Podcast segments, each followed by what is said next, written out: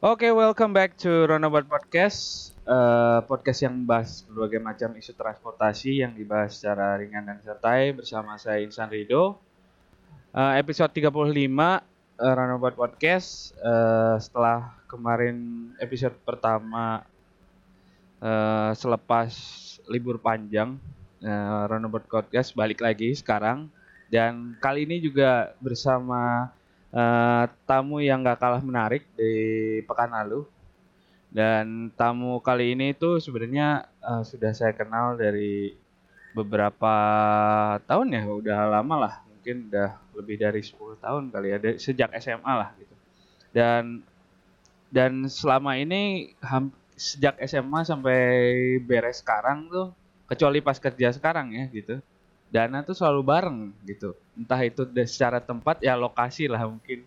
Lokasi rada-rada mirip sampai terakhir sekolah eh, setelah S1 itu juga sama eh, lokasinya sama gitu. Dan yang menarik yang bakal kita bahas hari ini dengan rekan saya ini adalah eh, kita akan bahas soal keselamatan yang sering disepelekan banyak orang terutama orang Indonesia jadi tanpa berpanjang lebar lagi eh, kita kenalkan Dana Lutfi halo Dana Ya, halo, pagi, Dok.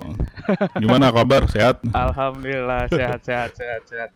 Eh, Alhamdulillah. gimana dan selama pandemi mana eh, merasakan perubahan-perubahan berarti atau seperti apa? Ya, selama pandemi yang jelas eh, kita termasuk orang-orang yang saya dan eh, Rido gitu ya, eh, termasuk orang-orang yang mungkin masih bisa dibilang beruntung gitu, eh, masih dapat eh, pekerjaan walaupun katanya WFA tuh lebih keras kerjanya gitu ya. Iya. Jadi lebih banyak kerjaan, cuman ya lebih sehat. Eh, intinya kita masih sehat sih, bukan lebih sehat sih. Lebih sehat, lebih sehat mah jarang. Saya lagi jarang olahraga ini. Kebanyakan di rumah terus masih Oke, agak oke. parno. gitu. Cuman ya memang ya masih sehat lah. Oke. Dan bisa jelasin dikit mungkin eh, pekerjaan saat ini kurang lebih apa yang dikerjain terus eh, dulu tuh sempat belajar apa aja sih gitu yang mungkin menyangkut soal keselamatan gitu. Oke, Dok. Eh, jadi sekarang saya eh, posisinya sebagai product manager di salah satu multinational company yang bergerak di bidang eh, jasa konstruksi. Jadi jasa konstruksinya bisa berupa konsultasi dan juga sebenarnya kita lebih banyak menjual eh, barang-barang yang sifatnya menunjang produktivitas konstruksi. Dan saya bertanggung jawab di lini bisnis mengenai eh, produk yang disebut dengan fire stopping. Jadi Hmm. ini ada hubungannya dengan eh, studi saya terakhir. Saya terakhir studi S2, alhamdulillah eh, di University of Edinburgh mengambil eh, program studi mengenai eh, structural and fire safety engineering. Kenapa structural? Karena S1-nya saya adalah eh, teknik sipil. Jadi eh, memang keselamatan kebakaran atau fire safety ini bisa dibilang ya tadi ya intronya eh, keselamatan tuh masih menjadi eh, prioritas kesekian gitu. Mungkin prioritas yang di belakang-belakang. Nah, saya tertarik tentang itu. Oh, oke. Oke, jadi Dana tuh belajar banyak soal kebakaran dan keselamatan juga selama di Edinburgh gitu ya. Dan Ya, betul. dan sebenarnya kalau pas kuliah dulu lebih banyak soal struktur bangunan atau kayak eh, secara sipil lah, bangunan sipil nggak sih dan atau gimana? Belajarnya Eh, atau yang S2-nya ya, Dok. Iya, iya. Jadi kalau S2 itu sebenarnya masih berhubungan juga tentang eh, strukturnya juga. Jadi memang tapi lebih di awal-awal tuh diajarin dulu tentang eh, istilahnya basic-basic mengenai api itu apa sih, terus kemudian eh, safety itu apa sih, Oke. eh, terus juga dinamika api itu kayak gimana. Terus baru dari situ nanti transisi masuk kalau kita berbicara masalah ketahanan bangunan terhadap api. Nah, di situ Iya. mulai eh, ada transisi dari situ. Oh, oke. Jadi jadi belajar dari basicnya juga kan ya. Maksudnya Iya, api itu apa emang lebih kayak lebih sifatnya lebih lebih basic gitu ya. Sampai Betul, nanti betul. mungkin eh, belajar yang lebih kompleks kayak gimana merambat api merambat dan lain-lain mungkin ya. Yes, yes, yes. Gitu Yes. sih, Dok. Jadi memang harusnya ini Rido yang lebih paham karena kan api lebih ke combustion ya. Rido, Rido Iya, iya. dulu kan teknik mesin gitu. Saya mah eh, baru belajar ya anggapnya harus yang saya belajar empat tahun jadi teknik mesin, saya dikebut cuma empat bulan waktu itu. Jadi mohon maaf kalau misalnya Enggak banyak lah, enggak, slow aja. term yang Ya. berubah-ubah gitu. yang yang orang baru sadar ya dan maksudnya eh maneh itu sekarang banyak berhubungan sama teknik mesin dan orang pun sebaliknya sekarang orang malah banyak berhubungan sama teknik sipil gitu Wah, dan itu lucu juga sih maksudnya sekarang maneh belajar banyak soal termodinamika dan lain-lain sedangkan orang sekarang eh, lebih banyak kerja di transportasi itu lebih banyak soal yang maneh pelajari dulu gitu pas S1 kan gitu jadi ya lucu juga sih kalau dipikir Nah, ini berarti apa namanya eh, inspirasi buat teman-teman yang dulu S1-nya merasa wah jangan-jangan saya salah jurusan tenang itu semuanya bisa diatasi nanti waktu S2. betul betul betul sekali betul. Oke dan. Eh, ini sekalian apa ya ngobrol-ngobrol santai juga. Kan selama dulu Mm-mm. ke- eh, sekolah di Edinburgh satu tahun kebetulan eh, kita juga kan di UK eh, orang di Newcastle. Eh pengen nanya sih dan karena orang cukup sering sering juga di apa ya di ke Edinburgh ya. Kita pernah eh, orang pernah nginep di tempat mana juga kan gitu. Iya, dan iya. Eh, menurut mana ya itu transportasi publik yang paling mantap di Edinburgh itu apa ya Ja- jadi kan ada beberapa pilihan ya ada Mhm. tram ada naik bis yang lotian dan macem-macem Iya, atau iya. maneh punya transportasi publik yang menurut maneh paling paling maneh senengin lah selama tinggal di Edinburgh.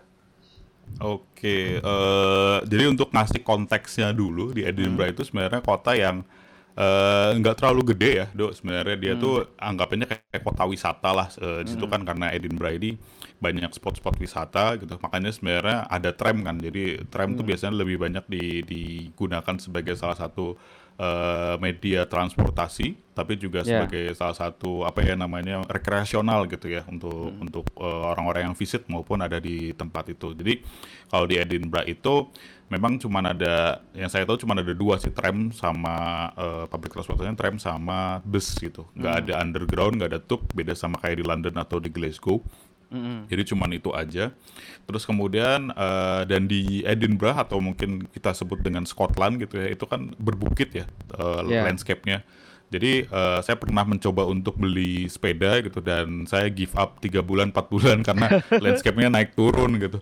Iya iya. Jadi eh, eh, lebih baik eh, kalau memang ini ya kalau saya sih selama di Edinburgh itu saya lebih senang jalan kaki malahan karena Hmm. saya senang apa namanya kalau dengan itu walking distance ya kayak 2 kilo 3 kilo bahkan Iya, iya. jarak saya dari eh, apa namanya eh, flat saya ke kampus itu cuman dua setengah kilo jadi saya suka jalan kaki Hmm. tapi kalau memang lagi keburu-buru gitu ya mau nggak mau memang pakai bus sih dan bus busnya ya. ini sistemnya heeh, oh, dia hampir 24 jam tapi nggak 24 jam secara total Iya. jadi eh, tetap ada availabilitasnya juga lebih bagus.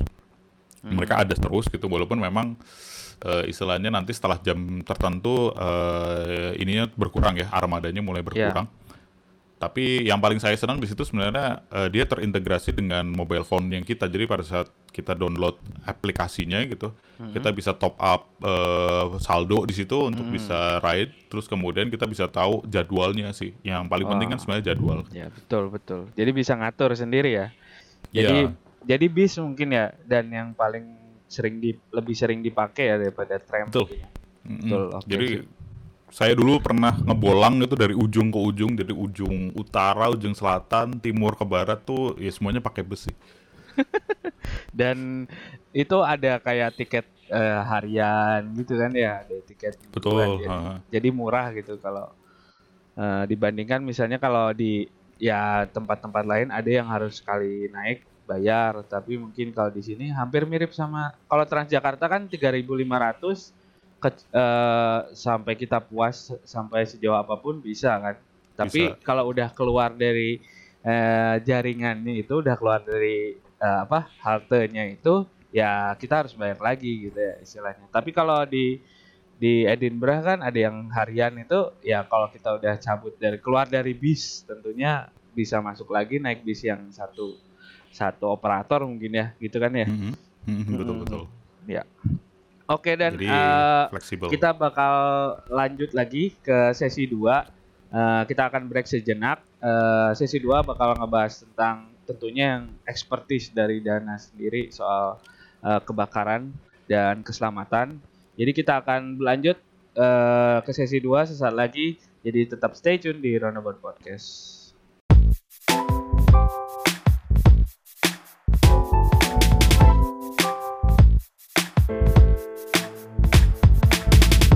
Ya, kembali lagi ke Roundabout Podcast. Eh, masih bersama Dana Lutfi, eh, salah satu orang yang bergerak di bidang keselamatan dan tentunya kebakaran.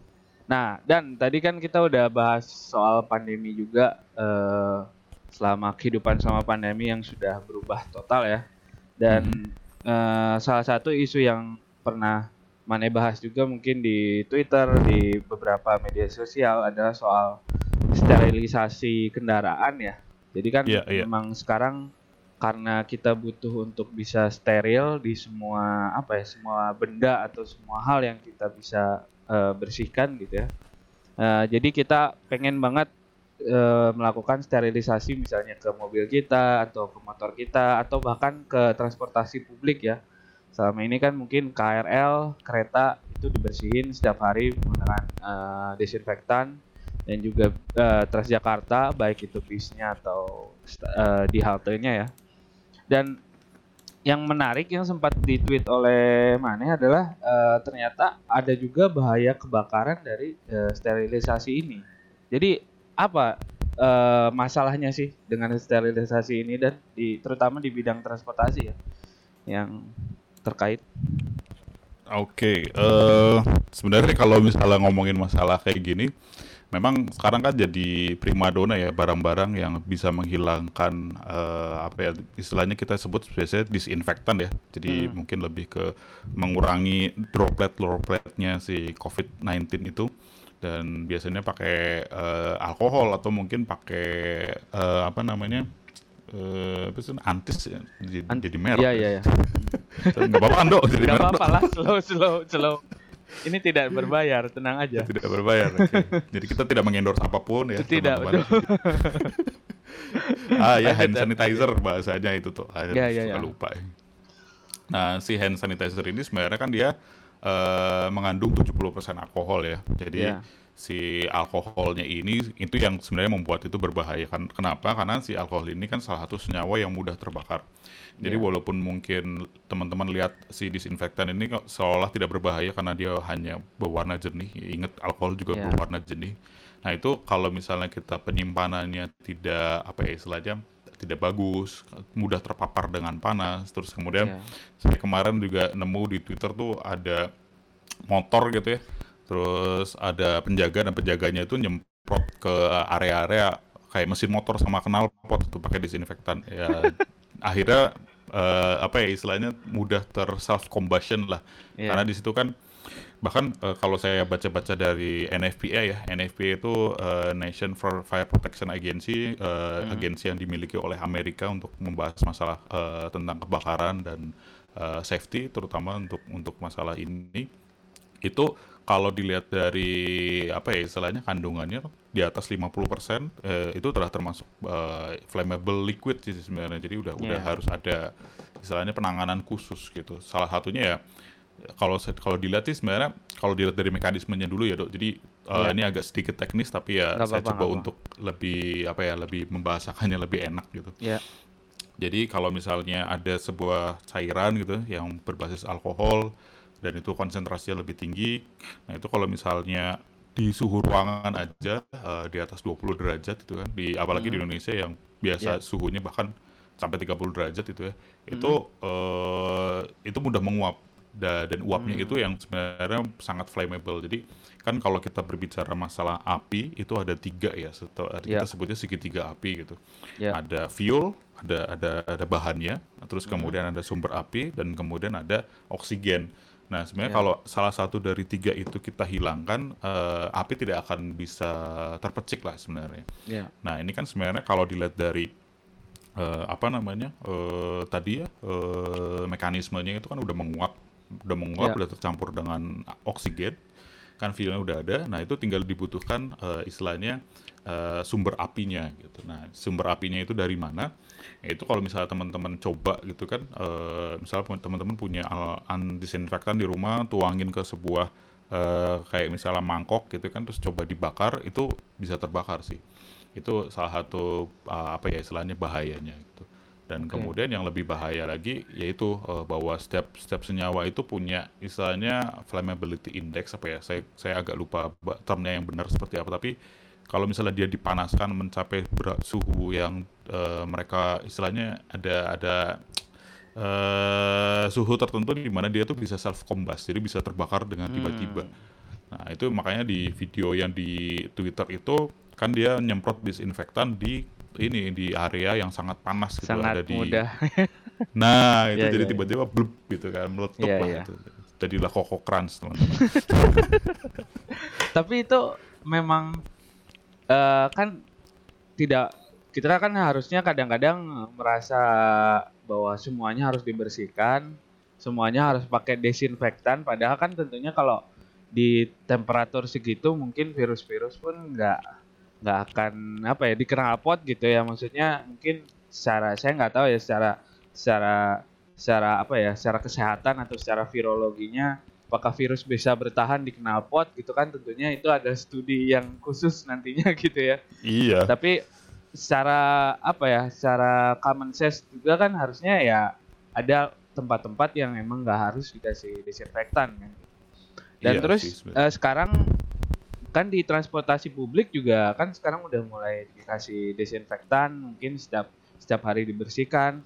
Nah ini eh, potensi-potensi bahaya juga di di saat let's say di KRL gitu saat eh, sekarang orang sering pakai alkohol 70% juga untuk cuci tangan dan tentunya publik transport di Indonesia juga masih eh, rendah kan maksudnya untuk keselamatan eh, kebakarannya atau misalnya supaya bisa isolasi agar tidak terjadi peningkatan temperatur signifikan gitu. Itu gimana dan menilai risiko-risiko yang ada terutama di transportasi publik ya.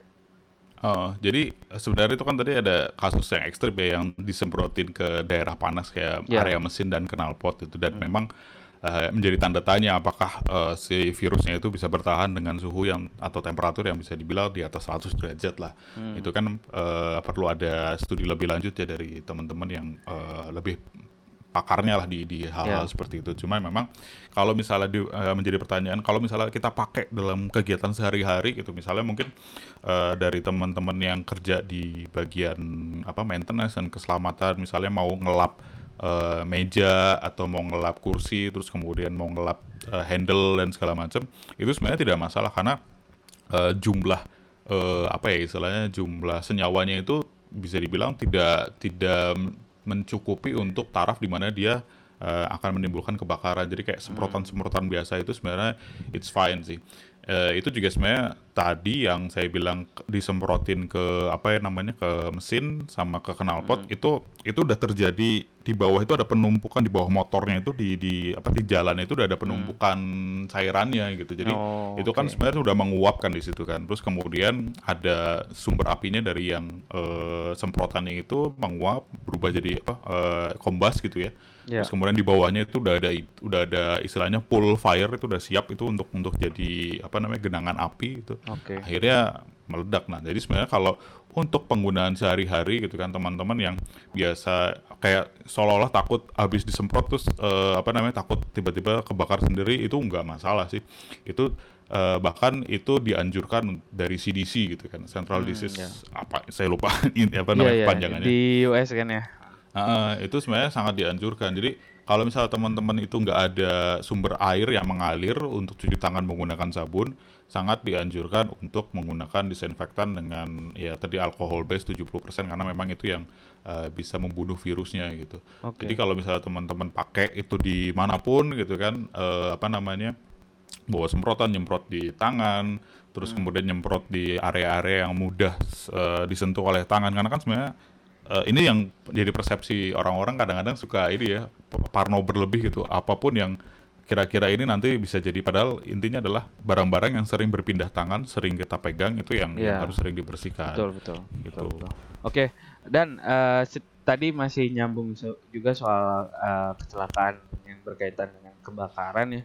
Jadi Hmm. kan eh, ini walaupun sedikit di luar konteks pandemi ya, eh, kita masih banyak menjumpai juga beberapa transportasi publik yang sering mengalami kebakaran gitu ya. Mungkin dalam tanda kutip tidak terprediksi ya gitu. Eh, kayak misalnya Transjakarta eh, beberapa unitnya yang eh, yang sering mengalami kebakaran juga itu tidak sedikit ada beberapa terus juga mungkin di bidang eh, perkeretaapian walaupun tidak sesering Transjakarta tentunya tapi juga sempat seperti lokomotif terbakar lalu juga mungkin beberapa komponen lain. Nah ini sebenarnya eh, penanganan transportasi publik tuh harus seperti apa sih? Mungkin kan berbeda dengan transportasi pribadi ya.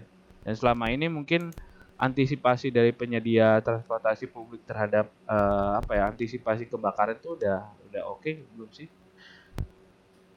Oke, eh, jadi sebenarnya mungkin ini ada hubungannya dengan intensitas juga sih ya dok. Jadi dan juga eh, selalu menjadi pertanyaan bagaimana kita memaintenance eh, istilahnya transportasi transportasi publik. Jadi kadang memang eh, yang tadi bahwa kalau kita berbicara masalah api kan kita bisa mem- bisa memblok api itu tidak menyebar dengan cara mematikan nah, tiga komponen tadi kan ada Iya. fuelnya, ada sumber apinya dan ada oksigen. Jadi Iya. bisa jadi gitu kan kalau dilihat dari apa ya namanya kejadian-kejadian tuh biasanya itu ada ada bagian-bagian yang kurang di maintenance dengan baik terus kemudian tercampur dengan sumber api dan kemudian sudah siap nih istilahnya dia udah siap kebakar terus tiba-tiba ada mungkin yang paling gampang pada percikan dari konsleting listrik atau apa dan Iya. sehingga bisa mulai terjadinya kebakaran dan itu memang eh, apa ya istilahnya kejadian yang kalau misalnya kita mungkin maintenance-nya bisa dibilang performanya selalu baik gitu kan itu bisa dikurangin resikonya Iya. tapi kalau misalnya ternyata tidak pernah di maintenance itu intinya resikonya makin besar itu Makin probabilitas besar. terjadinya makin besar itu sih do Oke, jadi tapi kalau maneh komen secara general lah gitu. Sebenarnya penyedia transportasi publik di Indonesia tuh sudah cukup eh, oke belum sih menyediakan misalnya ada eh, pemadam kebak eh, pema- apa yang buat eh, madamin itu biasanya fire Oh, ini ya, fire extinguisher extinguisher. Ya, fire Ya, ya. extinguisher misalnya di setiap armadanya, terus juga misalnya ada sprinkler mungkin di dalam misalnya ada di di kereta ya mungkin gitu. Apakah udah memadai belum sih? Yang mana lihat aja secara umum gitu. eh kalau misalnya dilihat dari perspektif saya pribadi ya, Dok, eh, bisa dibilang memang eh, ada beberapa yang sudah, ada beberapa yang belum. Saya pernah cek eh, apa namanya, bahkan eh, peraturan yang paling eh, yang saya lihat yang paling bisa dibilang bisa meminimalisir banget banget itu kan yang tidak bisa terprediksi adalah barang bawaan dari ini ya eh, passenger kan Iya iya betul.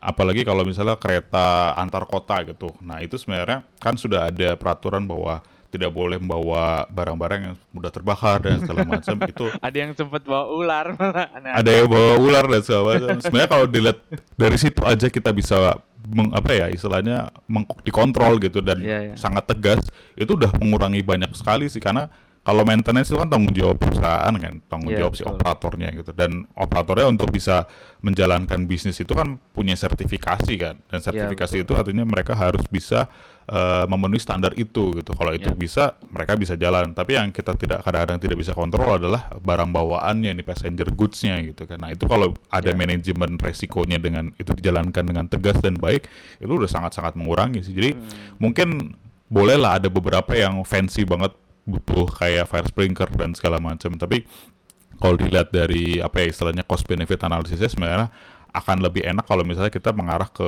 manajemen goods-nya sih gitu dan Oh, ada beberapa apar cukup dengan apar karena kan kita tahu bahwa passenger itu kan selalu ada orang gitu kan Iya betul. Nah, si sprinkler ini kan sebenarnya berfungsi pada saat kita tidak tahu di situ ada kebakaran atau enggak. Tapi kalau misalnya di situ ada istilahnya tenable gitu kan, ada orang yang melihat gitu kan. Iya. Itu eh, re- re- apa eh, reaction time-nya untuk ber apa yang kayak tiba-tiba oke nyari air atau apa gitu. Itu udah udah sangat sangat memadai sebenarnya. Jadi ya itu sih kembali lagi sebenarnya semuanya itu bisa di manage dengan tadi manajemen resiko gitu. Kalau manajemen resikonya bisa ditegaskan eh, resikonya bisa sangat berkurang banyak. Oke. Oke, menarik tadi pembahasan Dana terakhir soal mu- apa ya antisipasi kebakaran mungkin terutama di armada transportasi publik. Eh, kita akan segera berlanjut lagi ke sesi 3 yang bakal menarik juga dan kita bakal break sejenak untuk rehat sejenak tentunya dan kita akan balik lagi di Roundabout Podcast di episode 3 sesi 3 sesaat lagi. So stay tuned.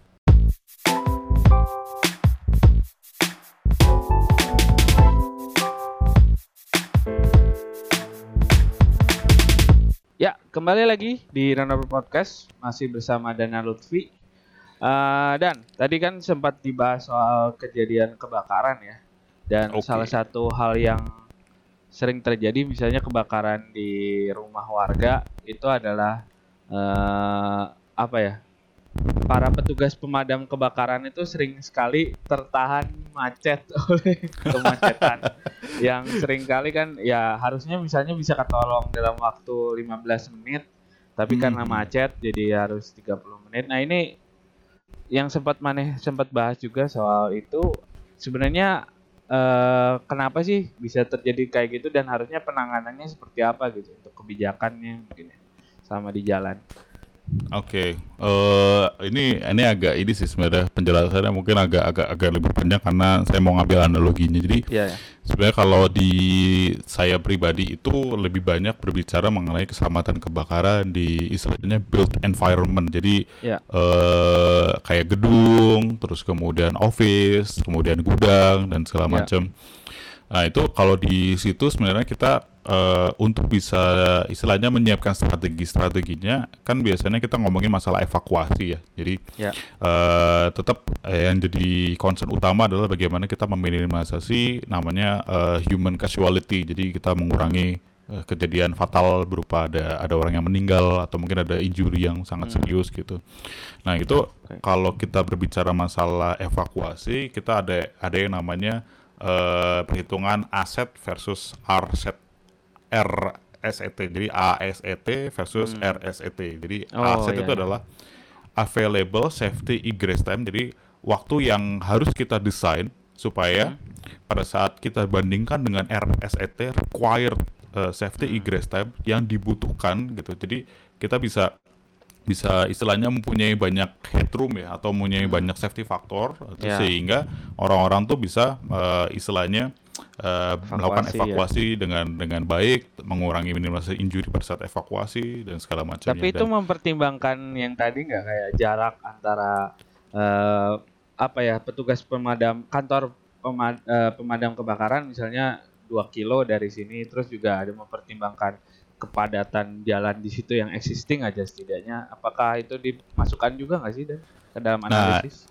Betul, jadi sebenarnya gini sih dok, Eh, anggap aja pada saat kita ngitung RSET atau RSET, RSET itu, itu kita menghitung mulai dari misalnya terjadi kejadian kebakaran, tek, gitu Iya. kan, terus kemudian ada alarm gitu, habis Iya. ada alarm, nah dari situ kan sebenarnya kita harus ngomongin nih, berarti kita harus ada evacuation time kan dari situ kan, habis Iya. dari evacuation time, habis itu berarti ada istilahnya mungkin bisa ditambahkan waktu-waktu untuk eh, memadamkan kebakarannya gitu, jadi Ya. itu ada ada ada beberapa istilahnya kita bisa mengkuantifikasi beberapa uh, window uh, atau Iya. kita bisa bagi-bagi itu untuk bisa bisa mendapatkan waktunya gitu Uh, karena kan kita berbicara masalah desain nah Iya. itu biasanya sih dari situ nah ya itu kalau misalnya kita analogikan aja untuk pada saat saya menghitung evakuasi orang untuk uh, dari satu lantai ke ke keluar dari gedungnya itu itu banyak sekali faktor-faktor yang kadang-kadang uh, ternyata benar ini berpengaruh. Misalnya gini misal di, kita ada kejebak kebakaran di lantai 20 misalnya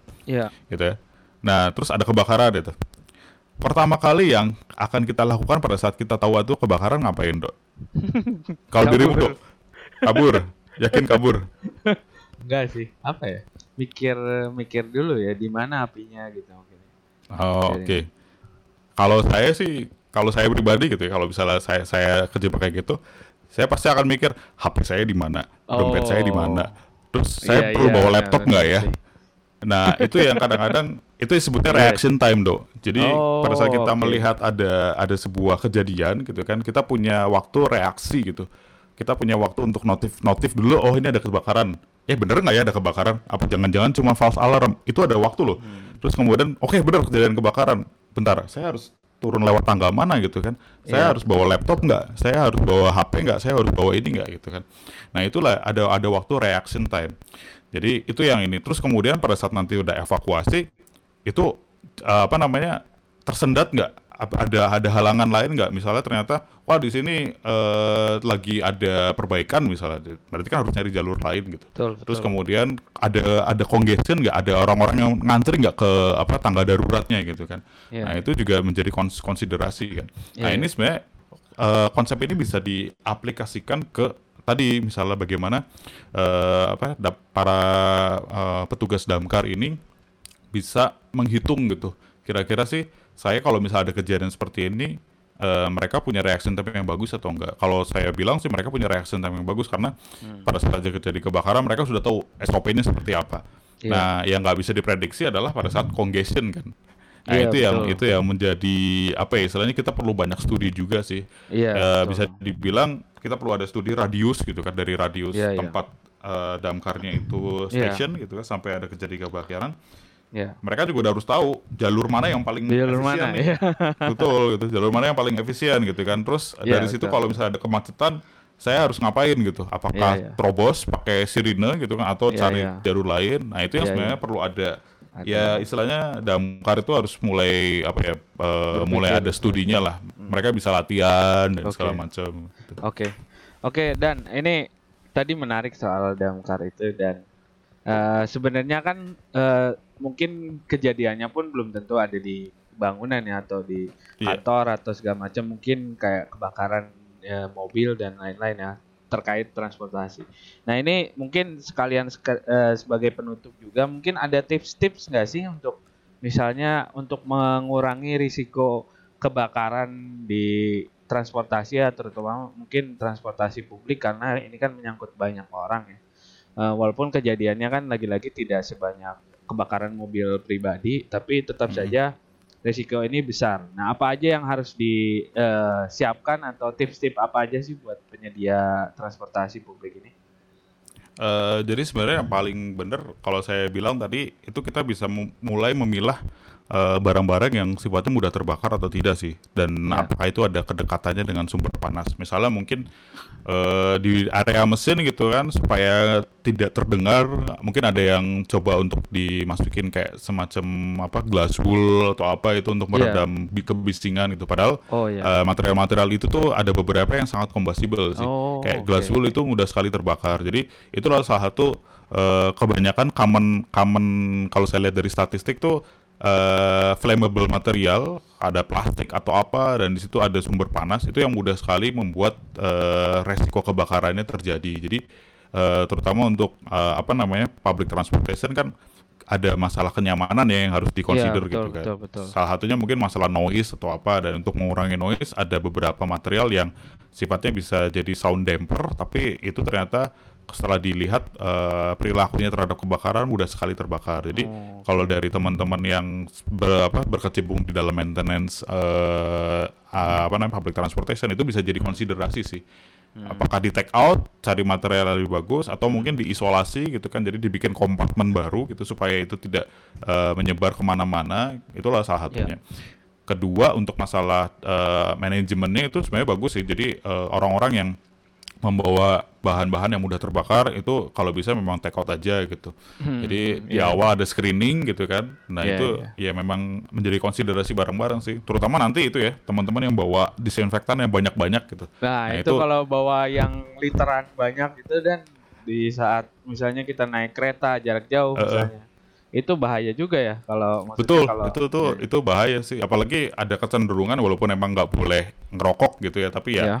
Ada yang bawa alat-alat yang mungkin ngerokoknya pada saat berhenti di stasiun kan kadang-kadang Iya, ada yang iya, suka betul, keluar betul. dari gerbong gitu Iya. kan. Nah itu yang kadang-kadang memang ya kita harus strict sih untuk menghindari hal-hal yang ya eh, bisa dibilang jarang tapi sekalinya Iya. kejadian tuh cukup bisa masuk ke headline ya, koran ya. teman-teman. betul, betul, betul. Oke sip, tadi dua tips tadi ya dari sisi mungkin eh, penggunaan material harus lebih bijak ya. Terus yang kedua Mhm. adalah manajemen mungkin penumpangnya harus lebih ketat dan lebih harus memikirkan keselamatan. Oke sip. Dan mungkin untuk kesempatan kali ini mungkin cukup segini aja dan terima kasih Oke. banyak atas ilmu-ilmunya terkait kebakaran tentunya belajar baru lagi ini walaupun tadi Mane bilang eh, orang belajar teknik mesin belajar soal ini tapi ternyata baru tahu sekarang dan soal tadi egress time dan lain-lain gitu jadi menarik banget dan sekali lagi terima kasih untuk Dana Lutfi atas penjelasan terkait kebakaran dan keselamatannya semoga lancar karirnya dan Amin, thank you, sukses thank you. terus sehat terus keluarga Amin amin Oke. itu juga penting. Eh, dan terima kasih bagi yang sudah mendengarkan episode 35 Rodo Podcast. Kita bakal ketemu lagi di episode selanjutnya. Mungkin nanti someday bakal mengundang Dana juga agar bisa diskusi lebih dalam karena tadi kayaknya lebih eh, seru ya soal tadi transportasi mungkin bisa eh, lebih digali lagi nanti di episode-episode ke depan mungkin ya.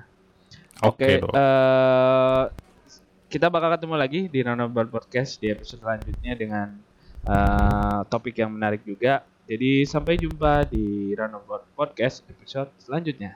See you next time.